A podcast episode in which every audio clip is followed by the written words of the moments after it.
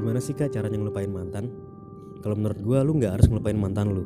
Karena ketika lu melupakan mantan Berarti lu sudah melewatkan kesempatan untuk belajar lebih baik Dari pengalaman yang sudah lu lewatin gitu. Sayang banget kan?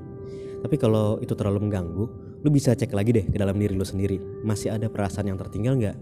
Bukan perasaan sayang atau cinta ya Tapi mungkin lu masih punya perasaan negatif ke mantan lu itu.